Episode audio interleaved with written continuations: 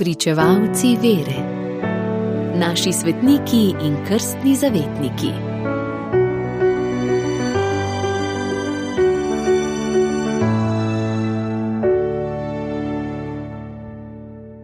Danes, 3. januarja, goduje sveta Genovefa Pariška, zavetnica Pariza, ki je umrla okoli leta 500. Francozi se sveto Genovefo, zavetnico pariškega mesta, ponašajo nič manj kot sveto Ivano Arško, devico Orleansko, ki je skoraj tisoč let mlajša od nje. Svetnici imata nekaj skupnih potez, obe sta bili v mladosti pastirici, obe neustrašeni bojevnici, obe obrekovani, na to toliko bolj priljubljeni in češčeni.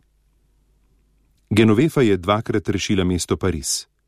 Prvič spomladi leta 451, ko je v Franciji vdrl hunski kralj Atila in ji je uspelo prepričati Parižane naj ostanejo v mestu in ga branijo.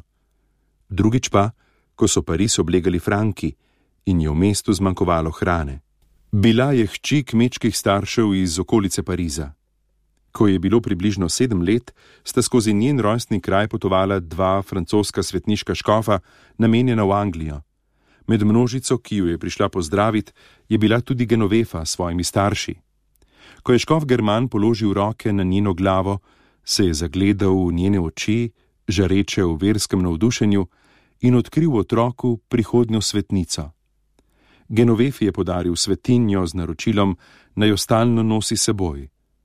Otrok je to obljubil in poslej se je Genovefa čutila na poseben način povezana z Bogom. Ko je varovala svojo čredo na paši, se je potopila v molitev in se počutila srečna samo v božji bližini. Ko je bilo 15 let, je pred pariškim škofom napravila obljubo vednega devištva. Odtlej je živela zelo strogo, do smrti svojih staršev doma, na to pa pri svoji botri v Parizu. Dnevi so ji minevali v molitvi, skrbi in delu za reveže in bolnike.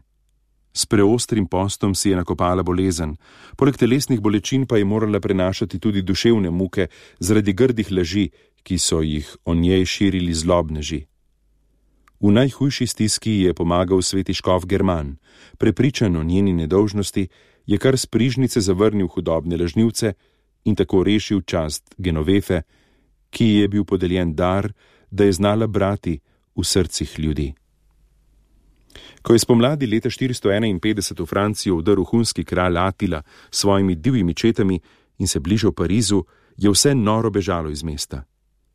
Genovefa je bežeče Parižane ustavljala, naj ostanejo v mestu, naj ga branijo. Zbrala je žene, da so skupaj z njo molile, može pa trdo prijele zaradi strahopetnosti. Parižani so se obrnili zopr njo dolžili so jo izdajstva in ji očitali, da hoče s krivim prerokovanjem ljudi zavesti v pogubo, že so jo hoteli pobiti, pa so jo rešili kleriki, ki jih je poslal škof German. In prav to znamenje škofove naklonjenosti je na mah spremenilo javno mnenje. Meščani so jo zdaj ubogali in se v naglici pripravili na obrambo mesta, Atila se je obrnil proti jugu in mesto je bilo rešeno. Genovefa pa je rešila mesto tudi, ko so ga oblegali Franki in je v njem nastala velika lakota.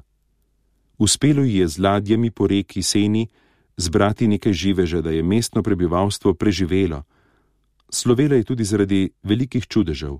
Kamorkoli je prišla, so ji prinašali bolne in slabotne, ki jih je ozdravljala. Pokopali so jo, ko je umrla 3. januarja leta 500, pri 80 letih, v lepi cerkvi svetih apostolov, ki sta jo dala postaviti kralj Klodvik in sveta Klotilda.